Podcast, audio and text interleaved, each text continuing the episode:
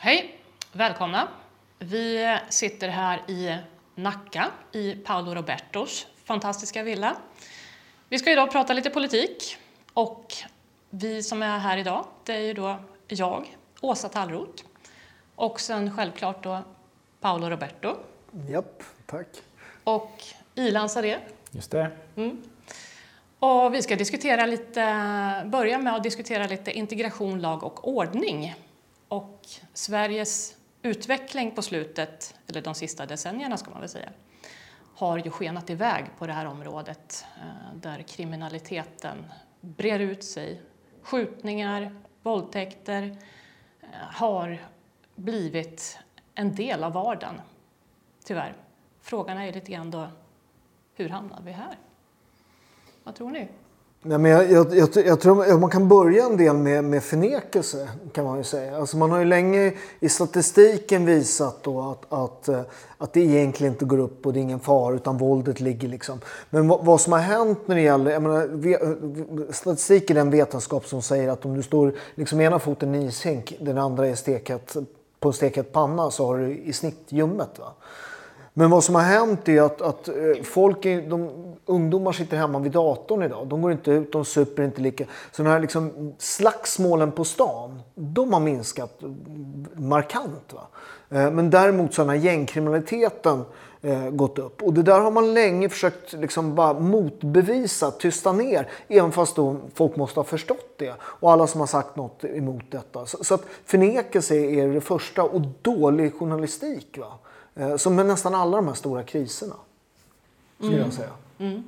Ilan, har du Ja, men eh, du undrar lite hur man har hamnat här. Och, alltså, alla vet ju någonstans att har man en, eh, ska vi säga, en, typ av migrationspolitik som avviker under ganska många decennier ifrån stora delar av världen så hamnar man ju förr eller senare i, i lite speciella lägen om man säger så. Så att det är ju en kombination av flera olika faktorer förstås. Eh, men det går inte att förneka att årtionden av en viss typ av migrationspolitik gör ju att, att man får en viss typ av brottslighet. Det hänger liksom ihop. Ehm, och sen har det ju varit, precis som Paolo var inne på, eh, förnekelse under ganska lång tid. Och att man tar in en kriminolog, Jerzy Sarnecki typ, kan vi kalla honom. Eh, och Så, som har varit med från när jag var på och, och bara, bara snackar skit konstant. Ja, Ja. Nej, men, eh, och som berättar då att nej men det är inte alls några problem. Eh, ni, har, eh, ni ser i syne allihopa. Ni tittar där hemma, ni, det finns inga problem utan kurvorna pekar neråt och det är lugnt och så. Ja, ja, men det beror ju på vad man mäter va. Men, men och det problema, återigen, journalistiken. För att i en demokrati så måste man ju, alltså det är ju de som ska se till att vi som medborgare får rätt information så att vi kan välja rätt politiker. Eh, och när vi konstant har liksom blivit, eh, alltså de har blåst rök liksom i, i våra ögon konstant. Va?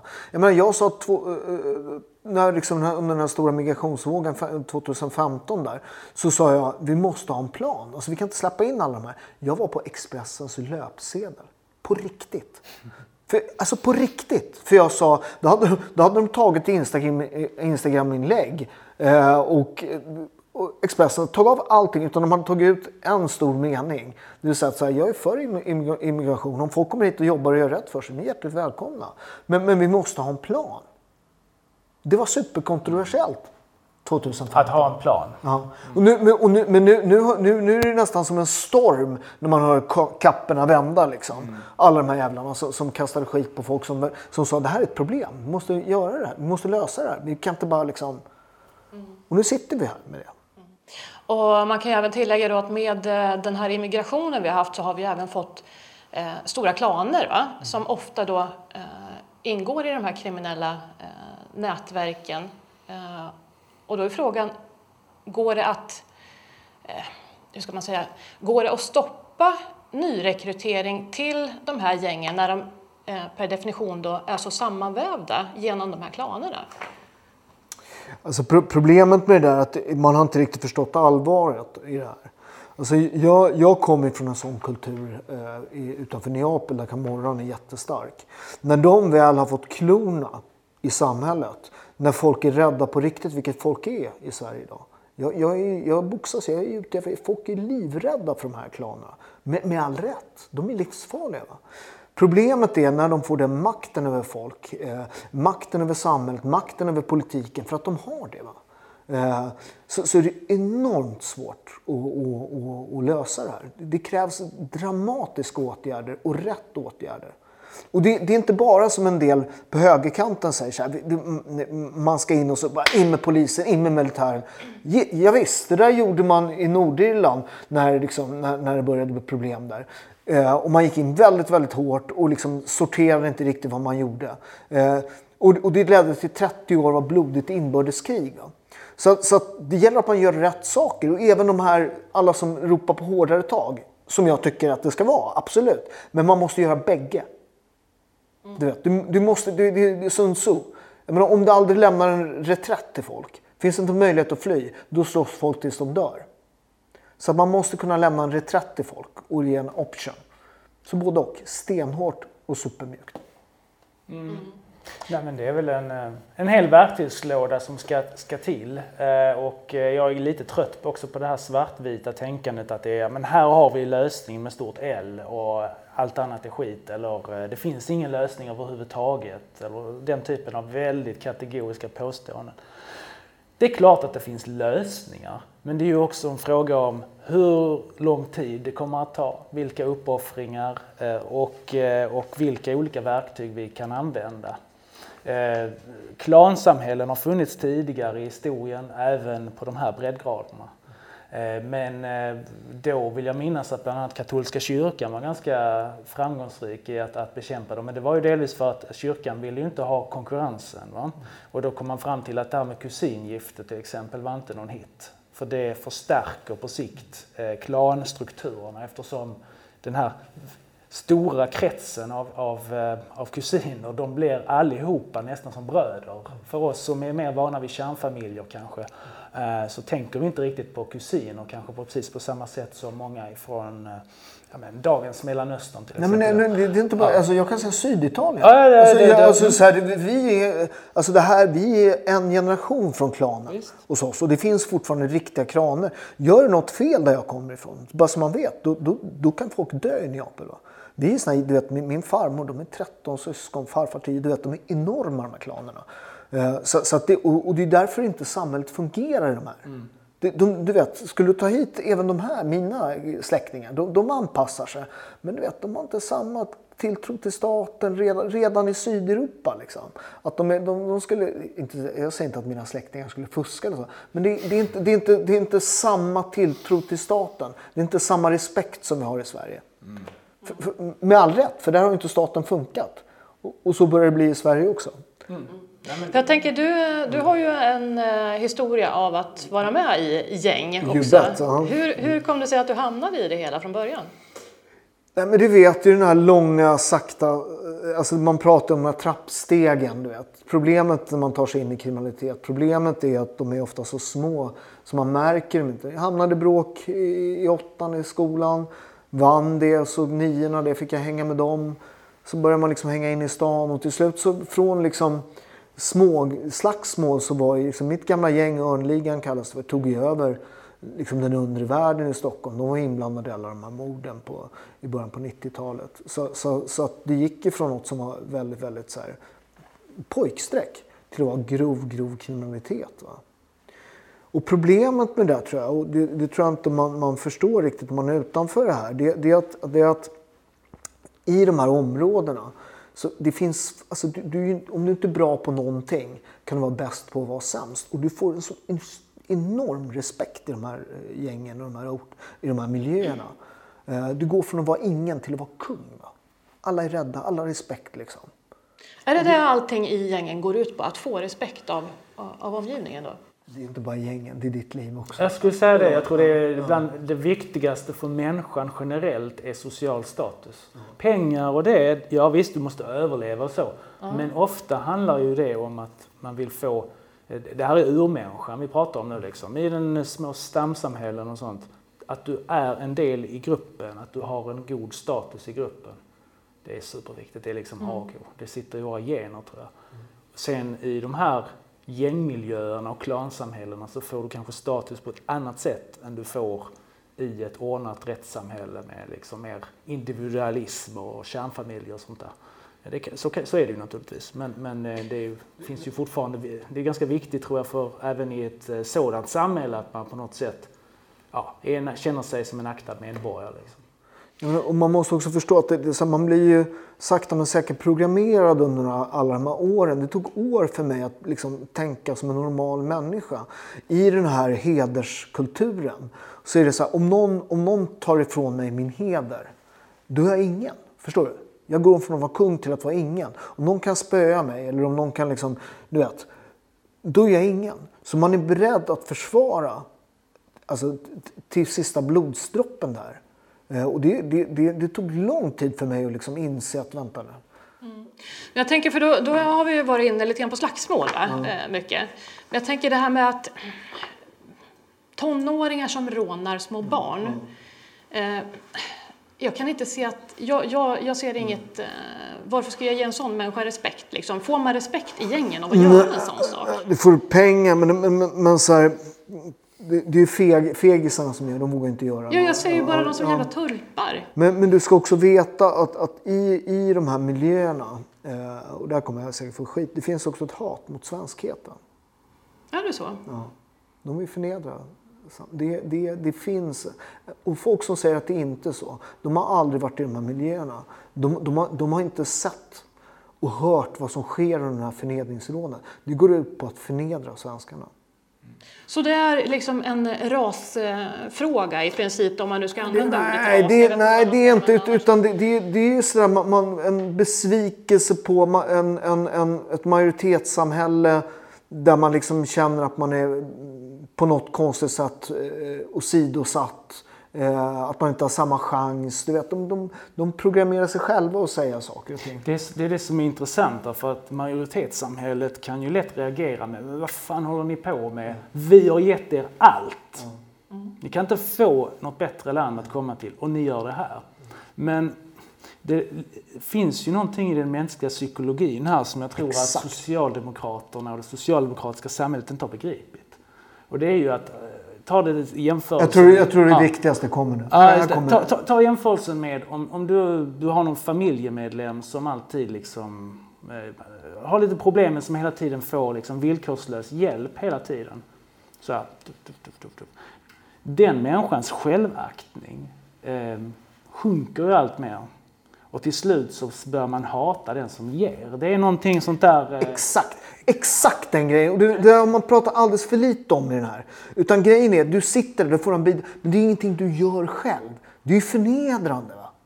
Du kommer hit och många av dem har flytt, du vet föräldrarna har flytt. De är starka människor, de har ju fan nästan simmat hit. Och, och, och, och att man försöker ta sig hit, även ekonomiska flyktingar. Det, det är inte deras...